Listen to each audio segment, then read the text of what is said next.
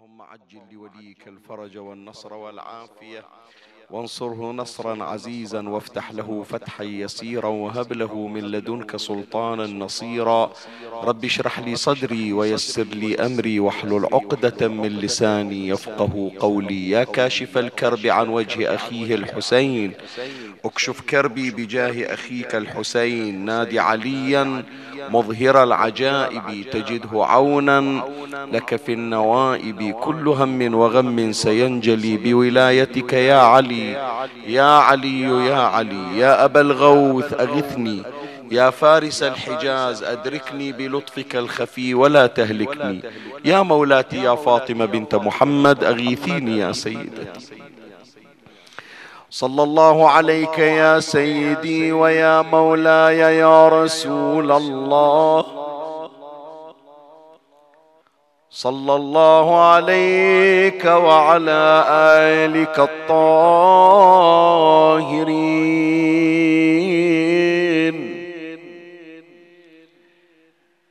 فاز من اعتصم بكم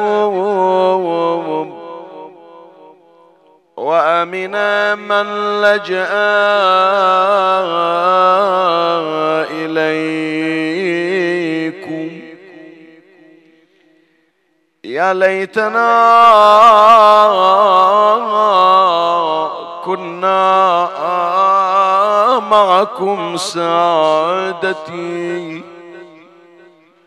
فنفوز فوزا عظيما. قال إمامنا أبو جعفر محمد بن علي الباقر. صلوات الله وسلامه عليه. تؤتون الحكمة في زمانه. حتى إن المرأة لتقضي في بيتها. بكتاب الله وسنة رسوله. هذه الحلقة الثانية من السلسلة التي كنت قد ابتدأتها وتحمل عنوان سلسلة عصر الظهور وهي مختصة ببيان أدوار ووظائف شيعة أهل البيت عليهم السلام في عصر ظهور إمامنا المنتظر. عجل الله فرجه الشريف. وفي هذه الحلقة يا أحبتي سنجيب على تساؤلات كثيرين من شبابنا. لعل البعض منهم طرح هذا السؤال ولم يجد جوابا. ولعل البعض الآخر جاءه الجواب ولكن لم يكن جوابا شافيا كافيا. ولعل البعض الثالث لم يفكر في هذه التساؤلات مطلقا. مفاد هذه التساؤلات يا أعزائي أن الشاب يتساءل أنا كصاحب موهبة أنا كصاحب ملكة أنا كصاحب امتيازات أنا كشاب أحتوي على مجموعة من القدرات وعندي خبرة وممارسة إلى كثير من الفنون. ماذا سأصنع بهذه المواهب في زمن الإمام المنتظر عجل الله فرجه الشريف؟ بمعنى آخر الآن لو شخص مثلا يقول أنا عاشق للقراءة عندنا إحنا مجموعة من أولادنا مجموعة من بناتنا الله موفقنهم أنهم كما يطلق عليهم يعني يقولون دودة كتب دودة كتب يعني شنو؟ الدود عادة لا يفارق الكتاب. هذول بعض الأولاد والبنات الله يوفقهم هكذا. يعشقون القراءة يعشقون المطالعة يعشقون المعرفة. طيب هذا الشاب الآن يسأل يقول أنا فرضا في حياتي قريت ألف كتاب. وعندي تخمة من المعرفة والثقافة. إذا أجي في زمن الإمام سلام الله عليه ماذا تعدل معرفتي أمام معرفة الإمام؟ إيش سويت بهالكتب أنا؟ إيش سويت بهالمطالعات؟ صح في زمن الغيبة نعم أنا متميز. لكن الآن في زمن صاحب الزمان عجل الله فرجه الشريف انتشر العلم انتشرت المعرفة انتشرت الثقافة. شنو قيمة الكتب اللي قريتها؟ فكأنما ذاك العمر ضائع. وبعضهم من عشاق الإمام يقول شيخنا أنا أحس بأنه في ذاك الزمن هذه الثقافة والمعرفة اللي عندي في زمن الغيبة ما راح أستفيد من عندها وبالتالي ما دام ضيعت عمري في المطالعات والقراءة فإذا لا حاجة للإمام بشخص مثلي. خصوصا إذا وصلنا إلى النقطة اللي حاولت أصححها في الليلة الماضية أن هناك تصور خاطئ أن خدمة الإمام فقط خدمة عسكرية. إحنا من نقرأ هذا الدعاء وغير هذا الدعاء يعني دعاء العهد وغير دعاء العهد. اللهم إن حال بيني وبينه الموت الذي جعلته على عبادك حتما مقضيا فأخرجني من قبري مؤتزرا كفني. زين. شايل ورقة وقلم شاهرا سيفي مجردا قناتي. يعني دائما هناك تصور أن نصرة الإمام الجندية في دولة الإمام يعني أشيل سلاح. فأنا اللي مو متعود على السلاح. أنا اللي مقضي حياتي مثلا في المطالعة في الثقافة في التثقيف في التعلم في اكتساب المعارف. إيش راح يسوي فيني الإمام؟ فما راح يقبلني الإمام كخادم. ما راح يقبل بي الإمام كخادمة. شو يسوي الإمام؟ بمعرفة. هذه المعرفة لا تعدل قطرة من بحر الإمام سلام الله عليه. زين. هذا تساؤل موجود عند البعض. مرة بعضهم يجي يعرض ومن يعرض السؤال يعرضه على استحياء. بعضهم يعرض هذا التساؤل على استحياء. نفس هذا التساؤل يتولد عند الأبناء الآخرين. إحنا نعرف مثلا أنه بعض من أبنائنا أو بعض من بناتنا عنده هواية الرسم عنده هواية التلوين. فيقول أنا في زمن الإمام شو يسوي الإمام بواحد رسام؟ زين. صحيح لو لا؟ يفكر بعض من أبنائنا الشكل. أنا الآن في زمن الغيبة أرسم لوحات أسوي مناظر طبيعية أزين الجدران. من يطلع الإمام وأجي أنا أقول له شنو جايب ألوان وفرشاة؟ شو يسوي الإمام؟ فإذا هذه موهبة موهبتي فقط في زمن الغيبة لا تنفع في زمن الظهور. كذلك أيضا يجي شاب آخر لعله إعلامي لعل عنده إبداع مثلا في التمثيل لعل عنده إبداع مثلا كذا في المحاورة دور إعلامي. يقول إيش راح يسوي بي الإمام؟ فإذا أنا هذه المواهب اللي اكتسبتها في زمن الغيبة ما راح تنفعني في زمن الظهور وأخاف أقول لكم يا أحبائي ما أحب أروج هذا النموذج بس أكو هذا من التطرف صار عند البعض. شلون؟ يعني أنا فوجئت ببعض الأشخاص أنه أخذ مكتبة مكتبة جامعينها على مستوى يعني رفوف. وفي مدة زمنية طويلة وبذل عليها أموال. مكتبة ضخمة. ومجمع إلى كتب الكتب من مختلف أنواع المعارف. دفعة واحدة ما يشوفونه وإذا نزل الكتب وقام يوزعها وقف على باب بيتهم يا جماعة اللي يريد ياخذ الكتاب خليه ياخذه. بلاش. من غير حتى فلوس. لما نجي إلى تقول له ليش تفرط في هذه المكتبة؟ شنو السبب؟ يقول شيخنا أنا أدور نصرة صاحب الزمان. زين نصرة صاحب الزمان. يعني اللي بينصر صاحب الزمان لازم يحرق كتبه حتى يصير من أنصار المهدي. إن شاء الله على بالك بأن أهل البيت يدورون جهلة أو ناس سطحيين. يقول لا أنا الآن أرتب نفسي على نصرة الإمام وهذه الكتب ما راح تغنيني. في زمن الإمام الإمام مو محتاج لها الكتب هذه تصورات خاطئة. وهناك تساؤلات كثيرة عن دور الأكاديميين والحرفيين والإعلاميين وأهل الفن وأصحاب المواهب في زمن فلهذا حديثنا لهذه الليلة سنخاطب كل هذه الشرائح إلا اليوم موجودة في زمن الغيبة. وراح نشوف وظيفتهم شنو. المعلم وظيفته شنو؟ في زمن الظهور إيش راح يسوي المعلم؟ المعلم إذا قال أنا الآن الإمام ما يحتاجني زمن الإمام زمن معرفة أنا اللي حافظ منهج منهجين من أيام زمن الغيبة. فالإمام ما يريد معلمين ولا يريد أساتذة. وهذا اللي يقول أنا في زمن الغيبة قاعد أجمع فلوس وأسوي مشاريع وأسوي شركات. الآن الإمام هو اللي راح يملأ الأرض قسطا وعدلا بعدما ملئت ظلما وجورا. وهذا الخير راح يصير في زمن الإمام فالإمام ما يحتاج إلى التجار ولا يحتاج إلى الاقتصاديين ولا يحتاج إلى أصحاب المشاريع ولا يحتاج إلى الأثرياء. وهذول خلاص زمنهم زمن الغيبة وخلاص من طلع الإمام فإذا ما إلهم دور. خطأ. العمال وأصحاب الحراف. هل لهم دور في زمن الظهور أو ليست, ليست لهم أدوار؟ هذه كلها هالشرائح. راح نبين إن شاء الله مدعمين ذلك بالأدلة وخصوصا نخاطب شبابنا. ليش الآن أنت تقول لي شيخ ياسين ليش هذه الحلقة مخصصنها؟ إلي غرض. أولا لأبعث الثقة في نفوس أبنائي هذا أشرت إلى وأشير إلى الليلة. البارحة أشرت إلى والليلة أشير. من تجيب ابنك إلى الجامعة تعلمه. من تجيب ابنك تسأله عن التخصص اللي يريد يتخصصه في الجامعة. إذا هو يريد مثلا يتخصص طب أو يتخصص تجارة أو يتخصص هندسة أو مختلف التخصصات. أعطيه ثقة قل له بأنه هذه هذا التخصص وهذه الحرفة اللي راح تمارسها فيما بعد ترى هذه خدمة راح تقدمها لصاحب الزمان. لا تفكر فقط في الاكتساب المالي. لا تقول والله وين بيشغلوني وكم بحصل لا هذه الحرفة وهذه المهنة وهذه الموهبة سوف تفعلها في زمن ظهور الإمام سلام الله عليه.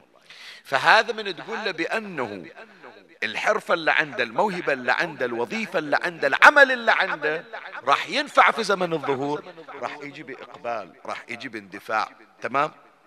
أضف إلى ذلك يا أحبتي أنه حتى في حياته من يعرف بأن هي المهمة حتى لو حصل شهادة وما حصل وظيفة. حتى لو إجت جائحة مثل اللي مرت علينا العام والسنة وتعطلت كثير من الأعمال وقعد ببيته من غير وظيفة. ترى أنا هذه الوظيفة هي اليد.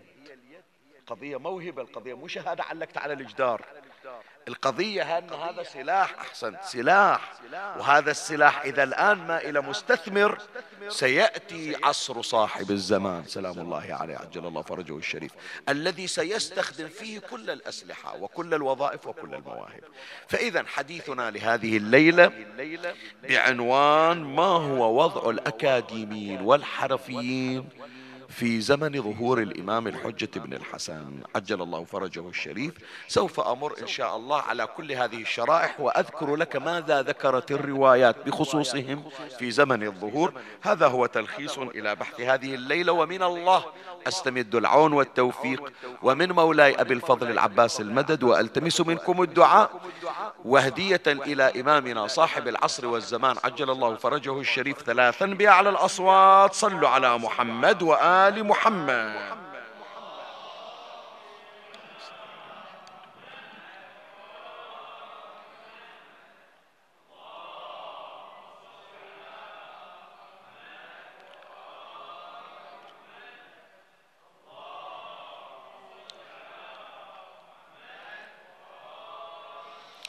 الشريحة الأولى من شرائح المجتمع هي شريحة المعلمين. ما هو دور المعلمين في زمن ظهور الإمام أرواح نافذة؟ لابد أن نعلم يا إخواني وهذه خلوها كقاعدة ركيزة أساس أساس إلى هذا المطلب. أن زمن الإمام المنتظر عجل الله فرجه الشريف هو زمن العلم والمعرفة. سوف تمحى الأمية في زمنه. لن يبقى أحد جاهلا في زمن الإمام سلام الله عليه. مهما كان. درس ما درس يريد أنه ما يتعلم يريد يتعلم لابد أن تنتشر المعرفة والثقافة. ولهذا هناك مسؤولية مناطة بالمعلمين. ويا ريت يا أحبائي الآن كل من يسمع. من المعلمين من الأساتذة من الذكور من من الأناث من اللواتي يدرسن طمعا في أن يمتهن مهمة التعليم. من الذين يمتهنون هذه المهنة أو عندهم طموح لأن يكونوا معلمين. وخاف أنه يوم من الأيام يقول وين بتحصل لك وظيفة أنت؟ اليوم أصلا حتى الآن جايين يتخلصون من بعض المعلمين عقب هالجائحة يصير التعليم عن بعد. لا. ترى أنت تنتظرك مهمة خطيرة في زمن ظهور الإمام سلام الله عليه والإمام عليه السلام كما سيمر علينا في الرواية سوف يعين مراكز سوف يخصص مراكز للتعليم والتثقيف يعني انت الآن كمعلم انت الآن كمدرس اترقب في زمن الظهور أن الإمام سيأتي لك بمجموعة من الطلبة وستقام لك منشأة وسيقام لك مركز من أجل أن تعلم إلى آخرين حتى تمحو الأمية وتبث التعليم هذا ما نقرأه في الرواية الواردة عن أمير المؤمنين سلام الله عليه. يعني.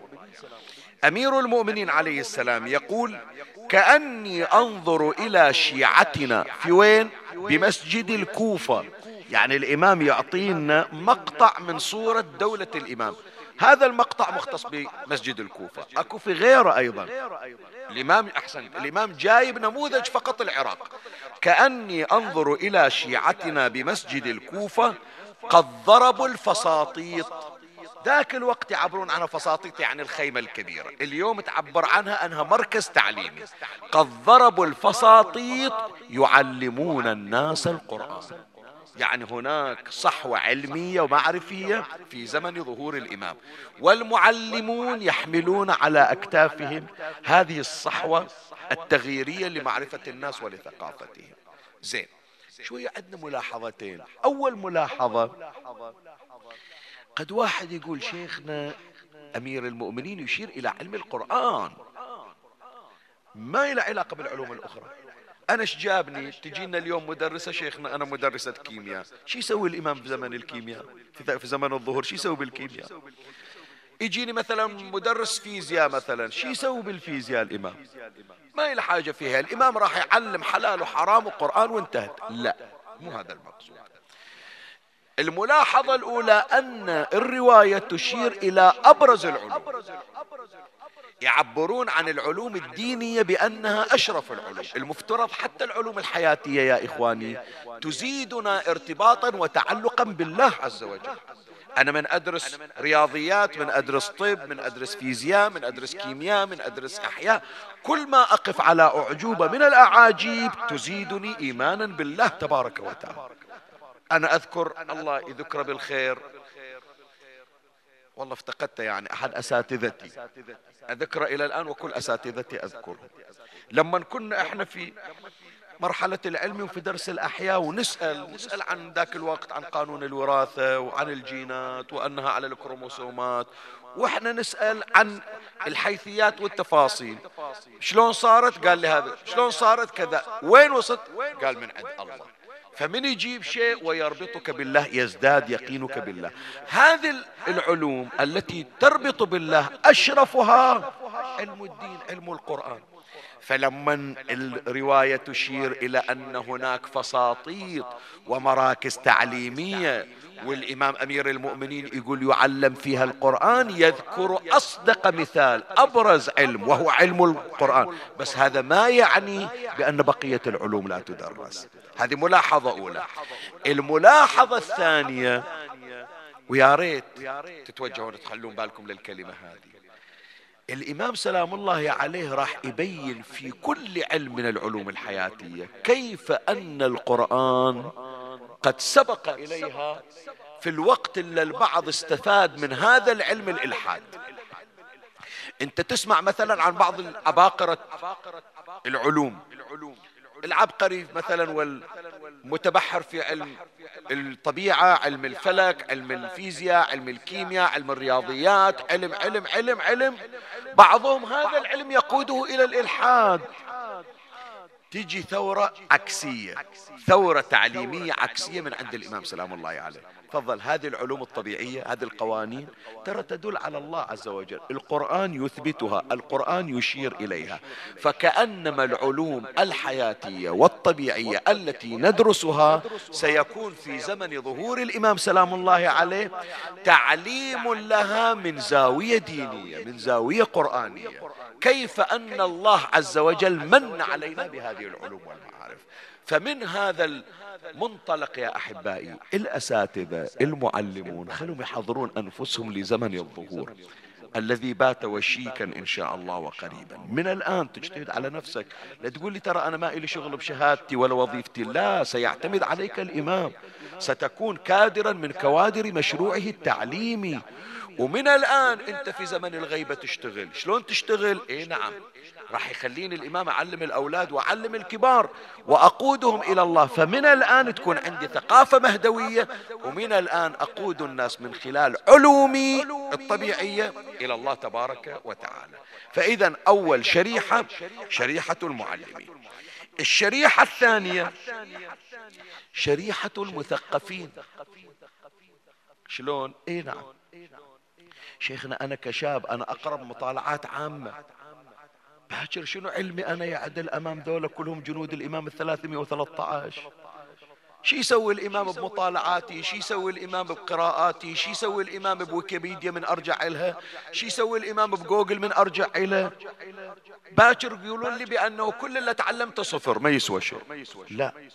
أنت كمثقف سيعتمد عليك الإمام سلام الله الآن فترة التحصيل فترة الاستزادة.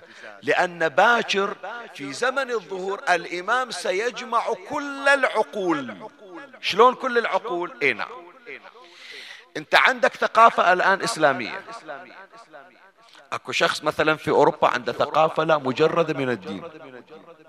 أكو شخص مثلا أفرض في الهند في باكستان عنده ثقافة ودينية لكن مي ثقافة ولائية.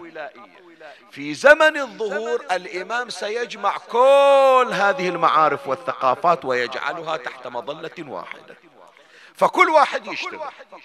انت اللي بالخليج تشتغل وتنشر ثقافتك. والشخص اللي بالعراق يشتغل وينشر ثقافته. والشخص اللي بإيران الشخص اللي بلبنان الشخص اللي بمصر الشخص اللي بالمغرب الشخص اللي بالهند. وهذا ما أشارت إليه الرواية. يقول الإمام الباقر سلام الله عليه إذا قام قائمنا وضع يده على من أروع الروايات يا أحبائي حطوا بالكم. إذا قام قائمنا وضع يده على رؤوس العباد فجمع بهم فجمع بها عقولهم. يعني كل الثقافات المتنوعة سوف تكون تحت مظلة تعليم الإمام سلام الله عليه. وهذا ترى دور لك أيها المثقف. الكتاب اللي تقراه صفحة الإنترنت اللي ترجع لها. ترى هذه باكر الإمام راح يستخدمك لتثقيف الآخرين حتى يعرف في زمن ظهور الإمام شلون عايش الدنيا. إذا عايش في جهل يبتدئ في عصر نور في عصر علم. وأنا هذا اسمح لي لا تزعل من عندي. شقد إحنا نوجه رسالة منشأها منشأ الرحمة منشأ العطف مو منشأ القسوة ولا منشأ التذمر ولا الزجر. إحنا ليش نقول لأولادنا يا أولادنا تعبوا على أنفسكم؟ احرص على نفسك أن تقرأ ولو بمقدار صفحة في اليوم. الأجهزة الإلكترونية اللي عندك والنت اللي عندك تستفيد من عنده معلومات متعددة تتعرف على العالم شي يصير اعرف تاريخك اعرف حاضرك اعرف مستقبلك اعرف ما يجري من حولك. الإمام يريد واحد مثقف الإمام يريد واحد عارف الإمام يريد واحد يدري إيش صاير بالدنيا. الإمام ترى يتنقل كل مكان إيش تتصورون يا جماعة؟ سؤال أسأل. الإمام وين؟ قاعد بمكان واحد لو ينتقل في العالم ككل. يملأ الأرض يملأ الأرض. يا جماعة ثقافة الخليج العربي غير ثقافة الوطن العربي غير ثقافة آسيا غير ثقافة الشرق غير ثقافة الغرب. الإمام سلام الله عليه سيد العلم وحي وحيثما حل الإمام وحل أصحابه فإنهم هم الذين يغدقون على كل مكان. فما يصير بأنه أنا أتصور راح أبقى بجهلي وأريد أنه أنصر الإمام وأنا مفلس من المعارف. شوف الإمام الصادق عليه السلام حينما يأتي إلى شيعته كيف يحرص على تثقيفهم وتوعيتهم. يقول الإمام الصادق عليه السلام لوددت أن أصحابي ضربت رؤوسهم بالسياط حتى يتفقهوا. يقول لو يحصل بيدي طبعا أهل البيت ما يسوونها ما عندهم هذا. بس يقول إذا ما يريد إذا متكيسل لا. أريد أحث ولو أحتاج إلى ضرب. بس أهم شيء يتعلم لأن الزمن القادم والعصر المقبل هو عصر العلم والمعرفة وعصر الثقافة. وإحنا نريد أنصار الإمام وخدام الإمام هم الذين يقومون بنشر الثقافات والمعارف. تدرون يا أحبائي من العناوين والاصطلاحات احفظوا هذا المصطلح وابحثوا عنه. يسمونه نزيف الأدمغة. شنو يعني نزيف الأدمغة؟ مو واحد يعني طاح على راسه وصاد نزيف في الدماغ بسم الله عليكم. لا. وإنما يقولون نزيف الأدمغة يعني عندنا كثير من العباقرة كثير من العقول المنفتحة كثير من الآفاق التي سبقت أوانها. مع الأسف عاشوا في مناطق ما حد قدر مواهبهم. ولا أحسن. ولا أحد عرف إيش قد يفكرون وش قد عندهم إبداع. لكن يوم طلعوا وراحوا إلى بلدان أخرى يتمنون ثقلهم ذهب. بلا مبالغة يا جماعة. يقول لا أعطيك وزنك ذهب. أوقف على الميزان. كم وزنك؟ 75 80 كيلو. أعطيك 80 كيلو ذهب. بس تبقى عندي وأستفيد من عندك. إذا بلدك مقدر موهبتك وإبداعك أنا مستعد أقدر. واحد من أولادي الله يذكرهم بالخير. من المقيمين في بريطانيا. هذا من يوم هو صغير. طموحة يقول ما أريد أصير حالي حال غيري. أريد أصير متميز. شلون؟ قال أريد أصير مخترع. أريد أصير مكتشف. أريد أصير واحد مبتكر إلى أجهزة وأحصل عليها براءة اختراع. اي يريد يحبطه ويريد أنه بعد. قال له قال له هذا الفكرة ده مجرد خيال. اعطني هالأوراق اللي سويتها اكتشف بأن المدرس يوم عرف بأن هذا اختراع وحصل من وراه فلوس يريد ياخذ فكرة الاختراع ويسويها هو. اي اي اي يريد هالشكل يسوي هو لا هو أخذ أوراقه وقال عمي بلد اللي ما تقدر مواهبي خلي أطلع من عندها. فلهذا سافر لبريطانيا مو ابتعاث من جيبه الخاص. من جيبه الخاص. قال لكن لازم أوصل هنا. اليوم وأنا أروح إلى الجامعة اللي هناك. يقولون ليش ما تريد إحنا نعطي تريد معمل تريد فلوس تريد مواد تريد دعم تريد نوقف وياك تريد نعطيك ساعات إضافية. تريد كل شيء إحنا نعطيك والاختراع اللي تسويه نسجله باسمك ويصير مروج. إحنا ننتجه ونوزعه في العالم ويحمل اسمك أنت. هذا اللي أسولف لك عنه شاب عمره 22 23 سنة. صور. هذا من وين؟ هذا اللي يشتغل عليهم الإمام سلام الله عليه. أنه أنت اتعب على نفسك لأني راح أحتاجك في عصر الظهور. فالإمام سلام الله عليه يقول لوددت أن أصحابي ضربت رؤوسهم بالسياط حتى يتفقهوا. حتى يتفقهوا. هذا الشريحة الثانية شريحة المثقفين. زين. نجي إلى شريحة ثالثة. وهذا البعض يمكن يستهين بموهبته. هو إداري. مخلينا رئيس مجلس إدارة.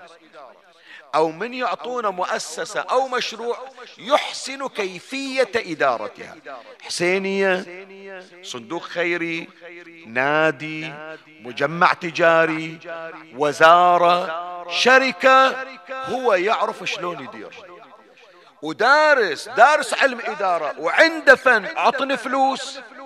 وسلمني الم... هذه المؤسسة راح أراويك شلون أضاعف من الإنتاج. وراح أراويك شلون هذا الفساد الموجود أنا أقضي عليه.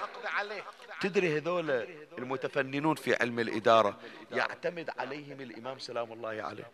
في دولة الإمام يدور ذول اللي دارسين علم الإدارة واللي يعرفون يديرون الإمام عفوا اللي يعرفون يديرون الأمور الإمام سلام الله عليه يعون عليه. شلون؟ خلنا نقرأ في الرواية. يقول رسول الله صلى الله عليه وآله فما يأتيه إلا رجل واحد. يأتي إلى من؟ إلى الإمام سلام الله عليه. الإمام يقول منو محتاج من عندكم؟ الرواية تشير النبي صلى الله عليه وآله يقول ما يجيه إلا رجل واحد. فما يأتيه إلا رجل واحد. يأتيه فيسأله فيقول له المهدي ائت السادن حط خطين أحمرين تحت. عبارة السادن. ائت السادن حتى يعطيك. زين ليش الإمام ما يعطي حاجته يطلع من جيبه ويعطي؟ إحنا عندنا في زمن الأئمة يا إخواني أحيانا يأتيهم شخص في حاجة شو يسوي الإمام؟ يحك الأرض بصوته فيستخرج سبيك الذهب. ليش الإمام ما يطلع له؟ ليش الإمام ما يقول له راح أدز لك بنفت راح تجيلك حوالة؟ ليش يرشده إلى السادن؟ شوف شو يقول له فيقول له المهدي ائت السادن حتى يعطيك. فيأتيه فيقول أنا رسول المهدي إليك. يعني المهدي الإمام المهدي مطرشني إليك. فيقول أنا رسول المهدي إليك لتعطيني مالا. شو يقول هذا السادن؟ هذا اللي مخلنا الإمام يدير الأموال ويشوف حوائج الناس ويشوف محتاجين الناس ويعطيهم بقدر حاجتهم. تدري شو يقول له؟ فيقول له فيقول أحثوا. أحثوا يعني شنو؟ أحسنت. يعني مو أعطيك مبلغ. تفضل هذه الخزانة مفتوحة؟ هذا التجور مفتوح. إلا تقدر عليه شيل هذا معنى احثو شلون إحنا من نشيل الرامل؟ هو يقول لا احثو يقول فيحثي ما لا يستطيع أن يحمله. يشيل فلوس فوق اللي يقدر يشيلها فيحثي ما لا يستطيع أن يحمله. فيلقي منه حتى يكون قدر ما يستطيع أن يحمله. يعني اللي شاله ما يقدر يشيله رجع منه. فيلقي منه حتى يكون قدر ما يستطيع أن يحمله فيخرج به فيندم. ويقول أنا كنت أتشع أمة محمد. نفسا كلهم دعي إلى هذا المال فتركه. يقول فيرد عليه. يريد يرجع إلى هذا الاداري السادن اللي رسل إلى الإمام. يقول ترى أنا أخذت فوق الحاجة. شوي يكفيني لين أحتاج راح أجيكم مرة ثانية. فيرد عليه فيقول السادن إنا لا نقبل شيئا اعطيناه إيه. شوف شلون. هذا في زمن الإمام. هذا مو الإمام اللي يعطي مباشرة. عند أناس إداريين. جمعوا فلوس ورتبوا فلوس وشافوا حوائج الناس ويدفعون لهم مو مقدار الحاجة زيادة على الحاجة. ومع ذلك بركة. ومع ذلك أمورهم مرتبة. تحس بأن ذول الإداريين كأنما الإمام واقف ووزع والإمام يعطي. فلهذا يا إخواني اللي عنده فن في علم الإدارة سوف يستخدمه الإمام وسوف يعتمد عليه الإمام وسيكون موظفا في دولة الإمام سلام الله عليه. يعني. زين. هذول الإداريون. بعد تعال شوف أصحاب الاقتصاد الرجال الأثرياء. إلا هم أصحاب ثروة وأصحاب مال. مو يقول والله في زمن الإمام إذا طلع الإمام بياخذ فلوسنا وإحنا بنصير حالنا حال غيرنا. لا. أصحاب الثروة وأصحاب المالية سوف يكونون سوف يكونون أعضاء في دولة الإمام صلى الله عليه وسلم يقول رسول الله صلى الله عليه وآله أبشروا بالمهدي. ويقسم المال صحاحا بالسوية ويملأ قلوب أمة محمد غنى ويسعهم عدله حتى أنه يأمر مناديا ينادي من له حاجة إليه. زين منو هذا المنادي اللي ينادي؟ هذول الأثرياء وأصحاب الأموال والإقتصاديون والذين يعرفون كيف يزيدون من أموال الإمام سلام الله عليه يخلي الإمام حوائج الناس الذول الأثرياء الذين هم موظفون في دولة الإمام سلام الله عليه. زين خامسة الشريحة الخامسة. إحنا على وشك الانتهاء الآن. العمال وأصحاب الحرف شيخنا أنا لا أنا صاحب شهادة ولا أنا صاحب مرتبة علمية أنا واحد زراع أنا واحد بناي أنا واحد صاحب عمل من هالأعمال هذه. شو يسوي فيه الإمام؟ الإمام راح إيه؟ يملأ الأرض قسطا وعدلا ويصلح الدنيا شلون يعني؟ هو مو عصا سحرية عند الإمام. لا. وإنما يريد يحرك حتى هذه الوظائف اللي إحنا نظرنا إلها بنظرة بنظرة احتقار وتقليل. باكر هم اللي يشتغلون عند الإمام سلام الله عليه يعني. فمن هنا يا أحبائي احفظوا هالكلمة سوف يقوم الإمام المهدي عليه السلام بمشاريع تنموية. المناطق اللي تشوفها مناطق قروية وبدائية سوف تكون أماكن سياحية واقتصادية وتكون مواضع يضرب بها المثل في زمنه سلام الله عليه. شلون؟ يقوم الإمام بإنشاء وبتفعيل الحرف والأعمال. فمن هنا؟ قال الإمام الباقر عليه السلام. ثم يأمر من يحفر من خلف مشهد الحسين. سلام الله عليه يعني هذا الإمام جايب لنا عينة من المشاريع التنموية ثم يأمر من يحفر من خلف مشهد الحسين عليه السلام نهرا. يجري إلى الغريين النهر من وين؟ يطلع من كربلاء إلى النجف. نهرا يجري إلى الغريين حتى ينزل الماء في النجف. ويعمل على فوهته القناطر والأرحاء في السبيل. يقول الإمام الباقر وكأني بالعجوز وعلى رأسها مكتل فيه بر فتأتي تلك الأرحاء فتطحنه بلا كراء. أجي تاخذ حاجتها من غير ما تدفع فلوس. كله مشاريع تنموية مجانية. طيب يا جماعة هذا المشروع النهر اللي فيه مطاحن اللي فيه مصانع ما يحتاج إلى استشاريين ما يحتاج إلى مهندسين ما يحتاج إلى عمال. هذول المهندسين والاستشاريين والعمال والمقاولين يشتغلون عند منو؟ عند الإمام صاحب العصر.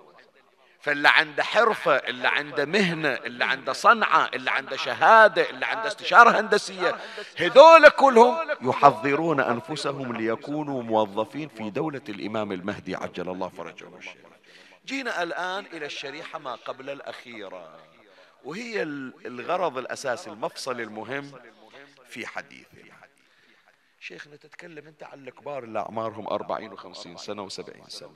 إحنا بعدنا أولاد على 16 17 سنة. إيه شنو مواهبكم؟ شيخنا ما عندنا مواهب إحنا بس عندنا هذا الآيباد وعندنا الدخله على الإنترنت. إيه تعال شوفني أنا في اللجنة الإعلامية في الحسينية إيش أسوي؟ تعال شوفني أنا في التصوير تعال شوفني أنا في البث الافتراضي تعال شوفني أنا في الأجهزة الإلكترونية شوف إبداع. بس الإمام شو يسوي في الموبايل وشي يسوي في الإنترنت وشي يسوي في اليوتيوب وشي يسوي في الأجهزة التقنية؟ تدري الروايات أشارت إلى دور أبنائنا. اسمح لي يعني لا تزعل من عندي بس خلي الليلة وكل ليلة إحنا عادة نتحدث بصدر منفتح. قبل لا تجي أزمة كورونا كان بعض الأشخاص في مجموعة من الحسينيات أو المساجد لا يهتمون بكوادر اللجنة الإعلامية. شلون؟ يجي هذا الشاب مثلا بالحسينية قبل محرم نحتاج إلى كاميرات. عندكم كاميرات؟ إيه عندكم كاميرات صح. بس الآن تطور الزمن. الآن أكو أجهزة بث بصورة أنقى. تبث بصورة أجود. وهذا اللي يتسجل باكر ينبث حتى في القنوات الفضائية. واليوم راح زمن أني هو أصور بالموبايل. اليوم قاعدين نواكب التطور. يلا ما قاصر إلا فلوس الحسين أطرش على كاميرات وعلى ما تريدون؟ والله خلاص مو لازم. ويعتبرون بأن هالمهمة ضياع ولا قيمة لها. زين. جت هالأزمة العام والسنة. صارت بث التعزية والفعاليات عن طريق البث الافتراضي. بينت قيمة اللجنة الإعلامية. بينت بأن ذول جنود مجهولون شوفوا الآن جزاهم الله خير الجزاء. أنا الآن على الباب أقول قبل الليلة كنت أسولف يعني ويا ويا الآخرين من غير أبو صيبع تدري هذا الآن المجلس يسجل أقل من ست ساعات قاعدين جزاهم الله خير. هذا يقطع هذا يدور من وين هالمقطع ياخذه. ما يجي وقت الفجر وإذا نزل شغلهم مرتب. أولاد صغار في عمر الورد. من غير ما حد يعرف أساميهم ولا حد يدري عنهم. وهذا مو تتر مال فيلم نازل آخر شيء تصوير فلان إنتاج فلان إخراج فلان ما حد يدري عنه. هو يرجو رضا الله ورضا صاحب الزمان. عبد الله فرجه الشريف. هذول عم اللي تشوفهم اللي اليوم ما تعرف قدرهم. راح يكونون هم اللي على روسنا في زمن الإمام سلام الله عليه. لأن الإمام سينشر الثقافة المهدوية عن طريقهم. من وين هالحكي شيخنا؟ هذا مو شيخ ياسين اللي يحكي. هذا الإمام, الإمام سلام الله عليه. شلون؟ قال الإمام الصادق صلوات الله عليه. إن قائمنا إذا قام مد الله لشيعتنا في أسماعهم وأبصارهم. يعني تسمع أكثر من قبل. شلون يعني تسمع إلا في أمريكا وتسمع إلا في الهند؟ شلون اسمعه مد الله لشيعتنا في أسماعهم وأبصارهم حتى لا يكون بينهم وبين القائم بريد. بريد. يعني شنو يعني؟ ما في بالإيميل. توصل الرسالة مباشرة من الإمام. حتى لا يكون بينهم وبين القائم بريد. يكلمهم فيسمعون. وينظرون إليه وهو في مكانه شبكة شبكة. شفت الانترنت الآن يسمونها شبكة عنكبوتية. الانترنت القادم هو الشبكة المهدوية. الإمام إيه نعم الإمام في الكوفة في مسجد السهلة عنده كوادر إعلامية بالبحرين عنده كوادر إعلامية بلندن والإمام يتواصل وياهم في بث كل خطاب وفي كل توجيه. هذول جنود الإمام وخدام الإمام. ويقول الإمام الصادق عليه السلام شوف من أقرأ لك الحديث. يعني هذا الحديث لو قبل أربعين خمسين سنة ينقرأ يقول إيش هالتخريف؟ الآن بين الآن عرفنا. يقول سلام الله عليه إن المؤمن في زمن القائم وهو في المشرق. ليرى أخاه الذي في المغرب. وكذا الذي في المغرب يرى أخاه الذي في المشرق. بارحة مجلس اللي قريناه بألمانيا الفجر كانوا يرسلون يقول شيخنا إحنا لخصنا هذا موضوعك حتى نقراه على الجماعة. ألمانيا. شايف؟ وين إحنا بالبحرين وين ألمانيا؟ هي هذه. تحضير لدولة إمامنا. فيا أولادي راح أختم حديثي الآن خلاص ساعة إلا ربع صار يا أولادي ويا بناتي أيضا أينما كنتم؟ إلا عند هذا الحس الإعلامي. أنت جندي الإمام. جندي الإمام مو أعرف شلون الكاميرا أضغط عليها جندي الإمام مو هذا ال live باليوتيوب شلون أسوي record و start. جندي الإمام مو شلون هذا المقطع أقطعه وأنزله. قبل كل شيء قبل كل شيء. وحط بالك للكلمة. الإمام ترى مو محتاج إلى الكاميرا وشيء. لو أراد الكون متصرف في يده. لكن هو يريد يشغلك أنت حتى تعرف بأنك جند الإمام. قبل أن تتقن هذه الأمور كن على استقامة في دينك. يريدك الإمام تصلي خوش صلاة. يريدك الإمام تكون بار بوالديك يريدك الإمام من تمشي في الناس يشوفونك أنت المميز. هذا منو رباه؟ رباني صاحب الزمان. أنا جاي أحضر نفسي حتى أكون أنا أحد إيه؟ أحد جنود الإمام وأحد خدام الإمام. أنا أشتغل تشوفوني شايل كاميرتي وقاعد الآن في اللجنة الإعلامية في البث ترى أنا قاعد أنظر إلى عقب كم سنة إذا طلع الإمام. يختارني قبل غيري. ولن يكون هذا المختار في محل الاختيار بمجرد ملكته وقدرته وإنما بإيمانه وبولائه وبقربه منهم صلوات الله عليه فإذا الشريحة السادسة التي أشرنا إليها شريحة الشباب وعالم الإنترنت والأجهزة الإلكترونية. ختاما الشريحة الأخيرة النساء المثقفات. بناتنا أخواتنا هم أيضا ذولا موظفات في دولة الإمام. سلام الله شلون؟ يقول الإمام الباقر عليه السلام تؤتون الحكمة في زمانه حتى أن أو إن المرأة لتقضي في بيتها بكتاب الله وسنة رسوله. يا بنات راح يعتمد عليكم الإمام ترى. الأطفال الصغار البنات الصغار منو يعلمهم؟ منو يعلمهم أحكام التكليف؟ منو يعلمهم عشق الإمام المهدي؟ منو يعلمهم القرب من الله؟ أنتم. فلهذا البنت الفتاة من الآن تحضر نفسها لتكون جندية عند الإمام مقبولة عند الإمام. تحافظ على عفتها تحافظ على شرفها تحافظ على صلواتها تحافظ على قربها من الله. تبحث عن رضا صاحب الزمان لأن رضا صاحب الزمان هو رضا رب العزة رضا الله رضانا أهل البيت نصبر على بلائه فيوفينا أجور الصابرين. وإذا علمت يا أختي العزيزة يا ابنتي بأن الإمام سوف يأتي يوم يخلي مجموعة من البنات تاخذ حوائجها من عندك. وإنت في بيتك وتكونين نقطة انطلاق للتوعية والتثقيف. اعلمي بأنك تتأسين بالحوراء زينب عليه إي والله. عرفتوا لما نقول هذه فلانة زينبية. فلانة زينبية ترى مو بالمظهر. فلانة زينبية مو بالشكل. فلانة زينبية بالمحتوى. لابد أن إيمانك إيمان زينب شلون مولاتي زينب ليلة الحادي عشر ما تركت صلاة الليل؟ اجعلي أثمن ما عندك و... والكنز الذي لا يفرط فيه الركعتان اللتان تقي... تقومين فيهما لصلاة الليل. لا والله مو اليوم مالي يخلق. لا أبدا. شلون أصير زينبية مولاتي زينب ما تركت صلاة الليل وهي ترى حسينا على التراب. شلون أنا أترك صلاة الليل؟ الحشمة والعفاف إلا الإمام الحسين ترك علي الأكبر من أجل الحوراء زينب. وهذا كله درس. مو معنى هذا زينب مفرطة في شرفها وعفافها. حاشا لله. شرفها شرف الله. عفتها عفة الله.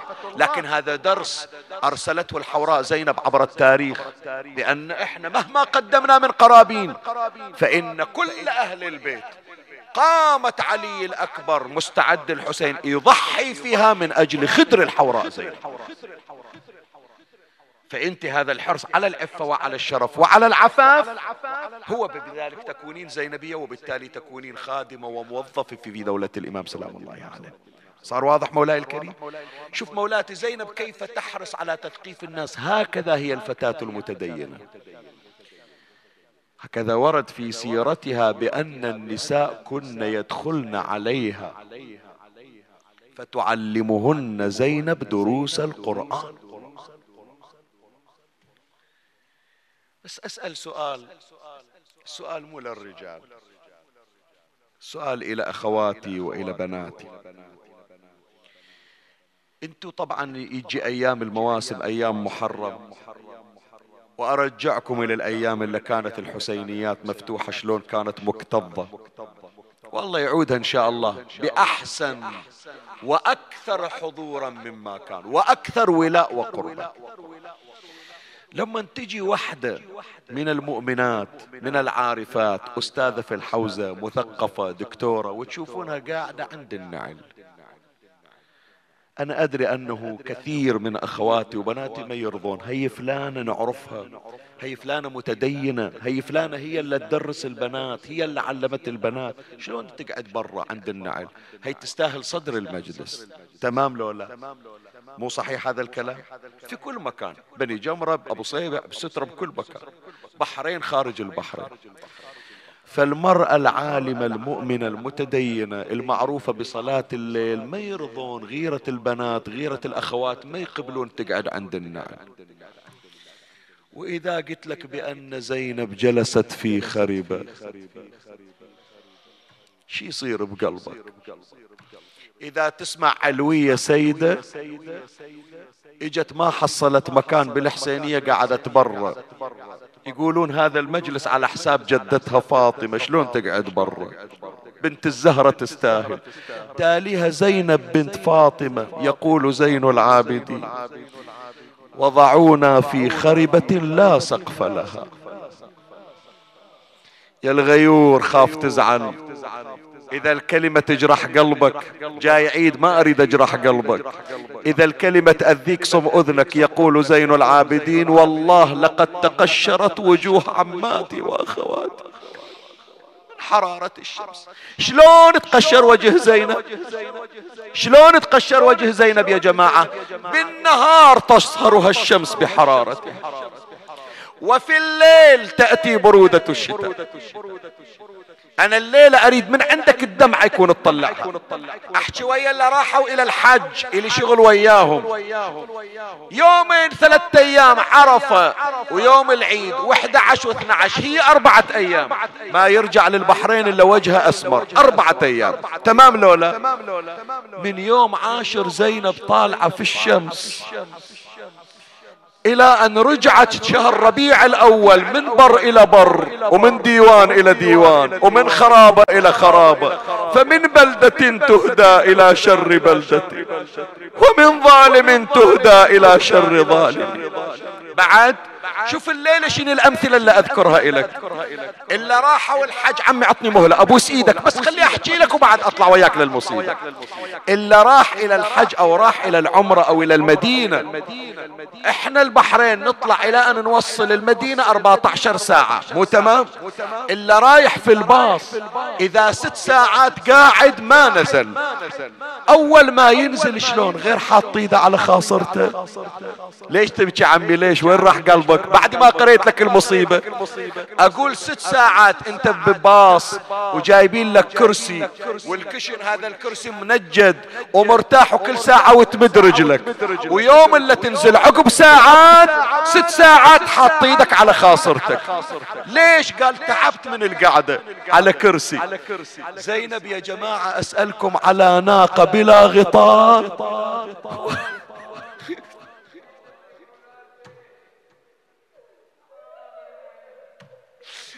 فلهذا ليش يقولون من شافوا زينب من حني ظهره؟ ليش يقولون كل من شاف زينب ما عرف؟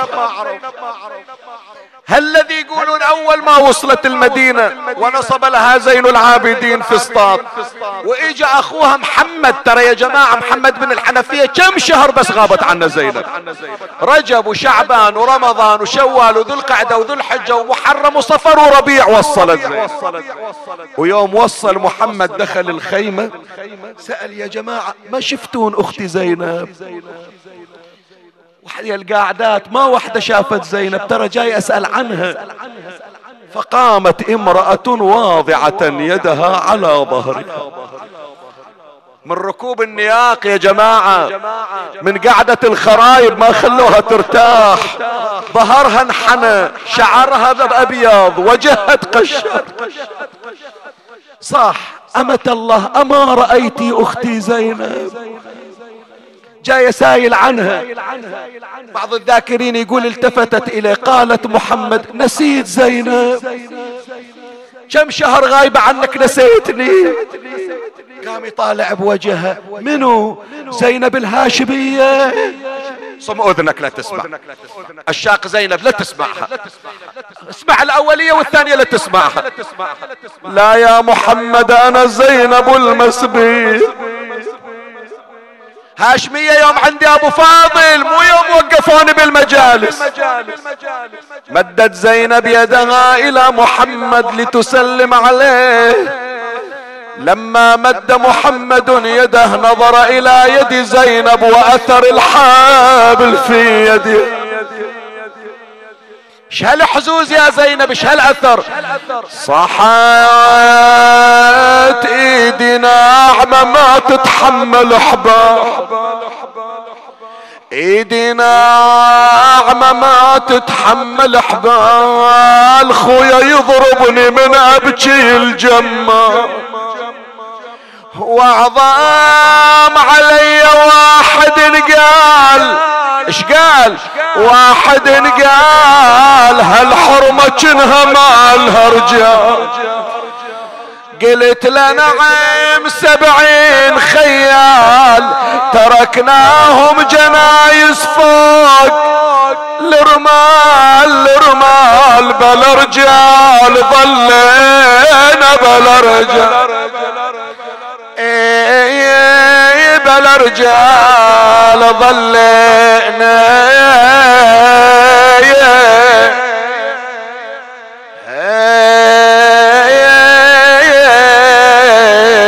بلا رجال دلالي على الخد يا دمع عيني دلالي من الونة انفطر مني. دلالي زينب تقول أنا الكان يتوصف. دلالي إيش صار؟ واحد أشر الواحد علي. واحد أشر الواحد.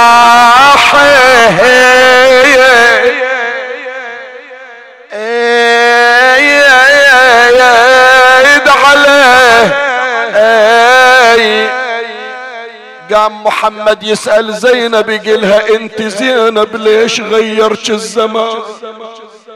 هواية بعيوني أحس متغيرة. إلها الكثر يم الحزن متروسة شيب صار بيك ابدا فلا صار بمرض. تقول لي يا محمد الشفت مو قليل. شافك شفت أخوي حسين طاح على الثرى. أقرأ له أسكت أنت رد علي. شف الذباحة إجا وسيف بيديه إيش سوى؟ داس بنغاله ونحرها ببره شفت خيل الكفر من داست عليه إيش سوت؟ خلت الأضلاع كلها مكسر شفت جمال إجا وخنجر بداية. لجل خاتم ظل يقص بخلصره والله لا أقراها. والله لا أقراها. لو أسولف لك بعد مجلس يزيد. إيش سوى؟ سب امي وظل يشتم حيدره شفت راس حسين في طشت الذهب. إيش سوى؟ بخيزرانه حتى ضرسه كسر. أنا أنا أنا لوسا يا لون أهل المدينة يا زينب أخوك حسين. وأنا يا يا يا يا يا أقلهم أخويا ذابحين مدينة جدنا. لا تقبلينا فبالحسرات والأحزان. جينا خرجنا منك بالأهلين جمعا. رجعنا لا رجال ولا بنينا خرجنا والحسين لنا انيسون رجعنا والحسين به دهينا. اسمع فهذه قصتي مع شرح حالي. ألا يا سامعون ابكوا. علينا اقرا وياي أنا زينب اللي يحجون عني صار البكا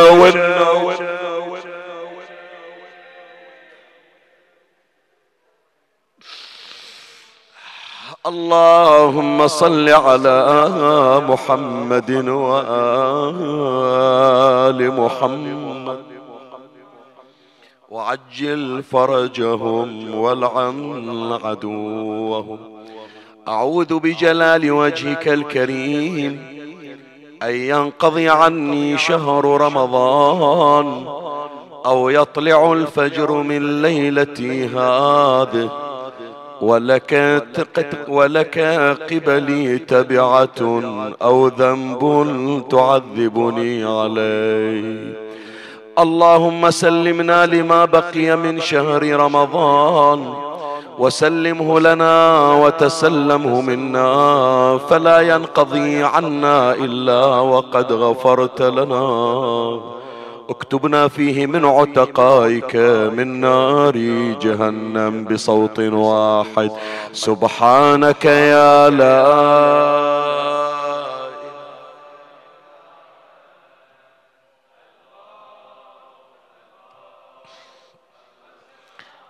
خلصنا وخلص والدينا وأحباءنا وارحامنا ومن وجب حقه علينا والمؤمنين والمؤمنات من نار جهنم. يا الله. عجل فرج إمامنا صاحب العصر والزمان. شرفنا برؤيته وارزقنا شرف خدمته. ترحم على امواتي وأموات الباذلين والسامعين والمؤمنين أينما كانوا في مشارق الأرض ومغاربها. أوصل لهم ثواب هذا المجلس وبلغهم ثواب الفاتحة تسبقها صلوات.